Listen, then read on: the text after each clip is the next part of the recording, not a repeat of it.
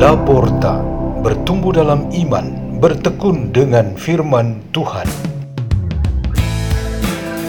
Radio Laporta, pintu terbuka bagimu untuk pertumbuhan pengetahuan dan kebijaksanaan tentang Allah.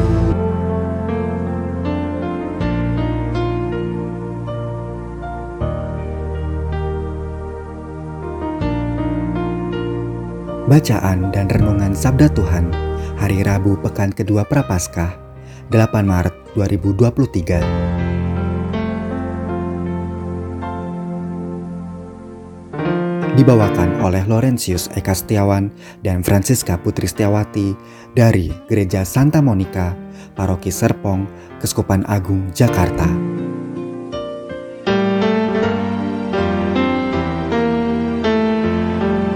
Bacaan dari Kitab Yeremia Para lawan Nabi Yeremia berkata, Marilah kita mengadakan persepakatan terhadap Yeremia, sebab imam tidak akan kehabisan pengajaran, orang bijaksana tidak akan kehabisan nasihat, dan nabi tidak akan kehabisan firman. Marilah kita memukul dia dengan bahasanya sendiri, dan jangan memperhatikan setiap perkataannya. Perhatikanlah aku, ya Tuhan, dan dengarkanlah suara pengaduanku. Akan dibalaskah kebaikan dengan kejahatan? Mereka telah menggali pelubang untuk aku. Ingatlah bahwa aku telah berdiri di hadapanmu dan telah berbicara membela mereka, supaya amarahmu disurutkan dari mereka. Demikianlah sabda Tuhan.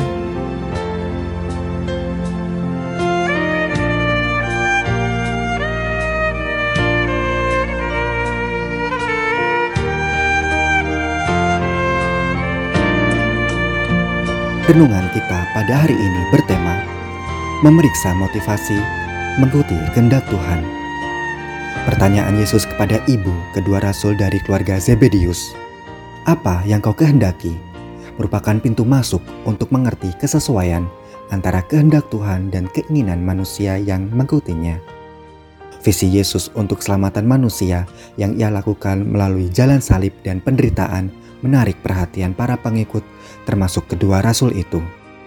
Seperti banyak murid dan pengikut lain termasuk kita, Rasa tertarik ini menguatkan motivasi untuk mengikuti Kristus. Sejauh sebuah rasa tertarik sebagai tahap awal yang kemudian mengungkapkan iman dan kesanggupan mengikutinya, suatu kesesuaian merupakan sebuah hasil yang baik. Tuhan berkehendak demikian, lalu kita manusia menyanggupi. Biasanya ungkapan seperti "saya suka" atau "saya tertarik" atau "siap, saya mau" menjadi tanggapan yang diberikan Misalnya, ketika mendapatkan satu pernyataan dalam renungan firman Tuhan, seseorang berseru, "Ya, saya menyadari di dalam diri dan suka dengan yang diinginkan oleh Tuhan dari saya." Ini menandakan adanya kesesuaian. Tahap awal ini menuntun kita ke tahap berikutnya, yaitu motivasi yang menggerakkan rasa tertarik dan suka itu. Kita tidak cukup mempunyai dari awal hanya satu motivasi saja kita perlu juga memeriksa motivasi untuk memastikan kalau ia masih orisinal atau tetap bertahan dengan kesesuaian itu atau memang sudah bergeser. Motivasi seseorang bisa bergeser karena keinginan atau selera yang berubah-ubah berdasarkan kebebasannya dan daya tarik keadaan di luar dirinya. Di dalam berteman atau berkolaborasi dalam satu kegiatan, tak ada jaminan untuk bertahan selamanya itu karena berubahnya motivasi. Baik bacaan pertama maupun Injil pada hari ini berbicara tentang berubahnya motivasi dalam mengikuti kehendak Tuhan. Mereka yang mengubahnya demi kepentingannya sendiri ditegur oleh Tuhan. Nabi Yeremia tegas berhadapan dengan musuh yang hendak membinasakan dia. Allah di pihak dia dan ia tidak gentar.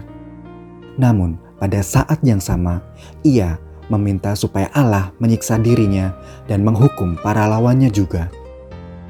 Kedua saudara Zebedius menyanggupi jalan mengikuti Kristus, tetapi mereka didorong untuk mendapatkan tempat spesial di dalam Tuhan.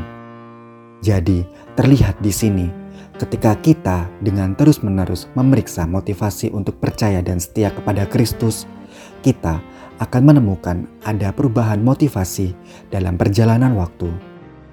Perubahan yang disinggung hari ini ialah pengutamaan kepentingan pribadi demi kepuasan sendiri, dan bukan karena kehendak Tuhan.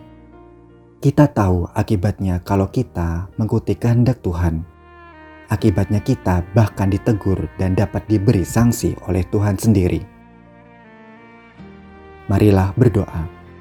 Dalam nama Bapa dan Putra dan Roh Kudus. Amin. Tuhan Yesus Kristus, tambahkanlah kami kekuatan untuk selalu memiliki motivasi yang benar dalam mengikutimu. Bapa kami yang ada di sorga, dimuliakanlah namamu, datanglah kerajaanmu, jadilah kehendakmu di atas bumi seperti di dalam surga. Berilah kami rezeki pada hari ini, dan ampunilah kesalahan kami, seperti kami pun mengampuni yang bersalah kepada kami dan janganlah masukkan kami ke dalam pencobaan, tetapi bebaskanlah kami dari yang jahat. Amin. Dalam nama Bapa dan Putra dan Roh Kudus. Amin. Radio Laporta, pintu terbuka bagimu.